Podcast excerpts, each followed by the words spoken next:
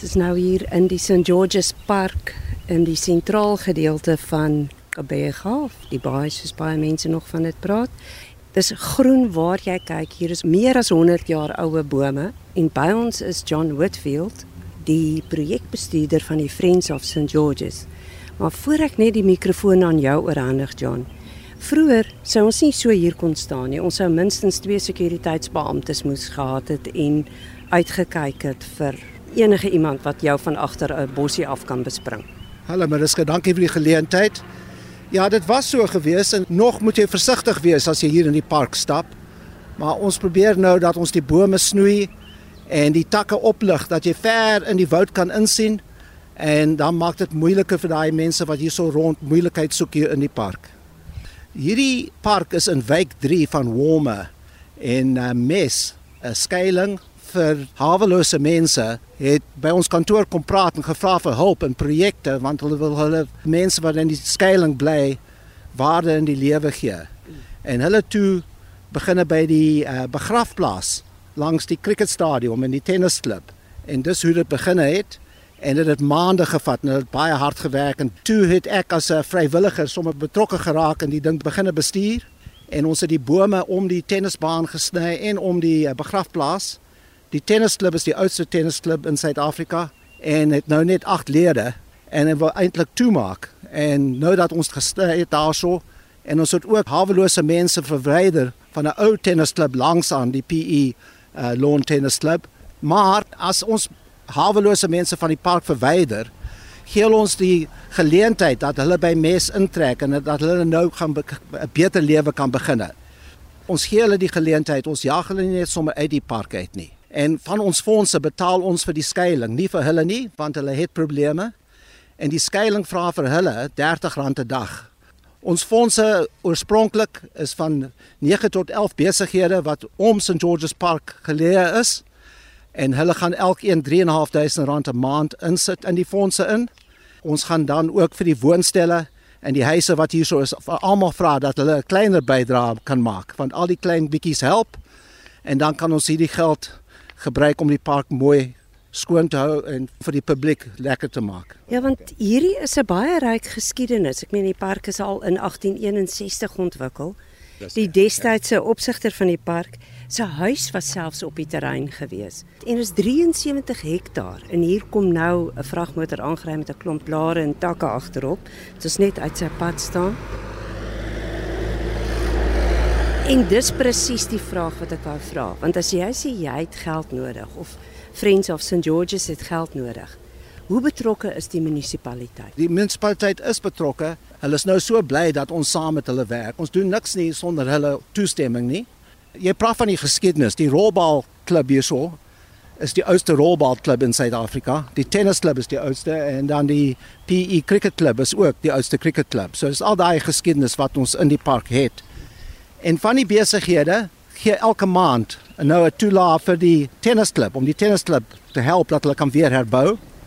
En ek probeer nou as ek enige iemand aan die hande kry, en net nou gaan jy met Andre praat, hy's van Pam Golding. Hulle kan hulle mense bring en kom rolbal speel en vir daai rolbalklub ook ondersteun. Goed, kom stap net hier uit want hier kom nou ons staan nou een toegangspad in die park. Ek wens die luisteraars kon sien hoe mooi is dit hier. En dis eintlik so goed want ek was jare laas hier want ek is net nie lus vir moeilikheid gewees nie. So ek kan sien wat julle hier doen is julle snoei dat 'n mens onderdeur die groen dak kan kyk. In Engels noem jy dit die green canopy.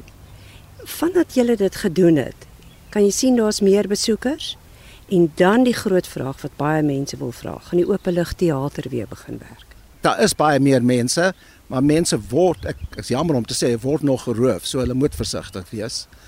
Uh, die teater, ek het nou 'n vrywilliger gekry, uh, Natalie West wie haar hand opgesit het om hierdie projek oor te neem. En dan het ons Penny Mowbray wat die glashuisie gaan oppas. Dis die konservatorium. Die konservatorium, daai groot woord kan ek nie sê nie. En dan ehm um, het ons Sally Anderson wat die werkse parkrun gaan bestuur en dit gaan in Maart maand begin. So daar gebeur baie dinge. St George's Hospitaal is een van ons grootste ondersteuners. Hulle is baie positief en hulle help om die sypaadjies skoon te hou langs die hospitaal en hulle gee vir ons ekstra geld bo en behalwe daai wat hulle vir Friends of St George's gee dat ons die werk kan doen hierso. Maar wat my verstom is dat soveel mense betrokke raak by hierdie St George's Park. Het dit ook te doen met aangename herinneringe of is dit net dat hulle voel man die park moet weer na sy ou glorie herstel word? Ek dink hulle wil hê na sy ou glorie herstel word. Hulle droom almal verskriklik baie. Ek dink ons gaan die park baie mooi maak, gaan meer oop wees, meer grasperke. Dit kos 'n groot klomp geld om so 'n groot park aan die gang te hou. En ek glo nie dat die munisipaliteit genoeg geld een kan sit vir hierdie park nie. Die swembad is ook vir heeltemal verniel. Daar is hier voor ons 'n uh, 'n Engelse water feature en ons sal dit skoonmaak en mooi maak, maar daar is kleiner uh, dammetjies wat ek dink ons sal vir 'n heel ruk ons hulle los want dit is baie baie onderhoud. Maar as ons meer geld kry, dan kan ons spesifiek kan ons die sypaadjies, die, die klippies goed regmaak. Daar is nie meer ligte in die park nie. Al die drading is gesteel, waterpype is gesteel, die toilette is gebreek, die dakke is af en so aan. So ons gaan dit net as soos as ons gaan uh, prioriteer wat ons eers moet doen en dan gaan ons vorentoe. Dankie John Whitfield, projekbestuurder van die wat se nie winsgewende organisasie Friends of St George's. Maar hier by ons is ook Andre Tron en ook lid van die Friends of St George's. En jy's 'n eiendomsagent. Ek wil net weet wat was die invloed toe die park so in verval was op die eiendomme en so in en hoe begin dit is kan julle al 'n verskil sien? Toe die Friends of St George's begin het en ons het begin skoonmaak en dit het, het baie eienaars en baie um, mense wat woon in St George's het hulle hand opgesteek en toe ons weer kyk op 'n Saterdagoggend dan kom die ouens met hulle besems en goed aan hulle begin skoonmaak en hulle begin help en alles en daar's kinders gewees wat kom help het en alles mense het net hulle hand opgesteek en net gesê jessie weet jy dit sal nou baie mooi wees ons bietjie en die park net begin skoner en skoner word en natuurlik mense wil nou weer hier bly en die besighede is die, die besighede wat hulle hande opgesteek het. Dit is daarom fantasties om te sien hoe mense net gesê het ons gaan vir julle elke maand iets gee en die betrokkenheid van almal. Ek kyk uit op die park van waar ek bly. En my dogter het verlede maand te sê sy vir my Yes, dad. Can you just see the amount of people that you can see now in the afternoons that's running around the park all of a sudden? Daar's verskriklik baie meer mense, want die mense sien nou, jessie, maar die park is baie mooier. Daar's verskriklik baie trots in Port Elizabeth. Maar jy moet vir die mense ook ietsie bied. Weet as jy in 'n woonbuurt bly, dan wil jy bly in 'n woonbuurt wat jy darm voel, jy's jy's trots op dit. En ek dink hierjo, as jy nou kyk hierso hoe die mense net hulle hand opgesteek het en gesê gee vir ons iets om te doen.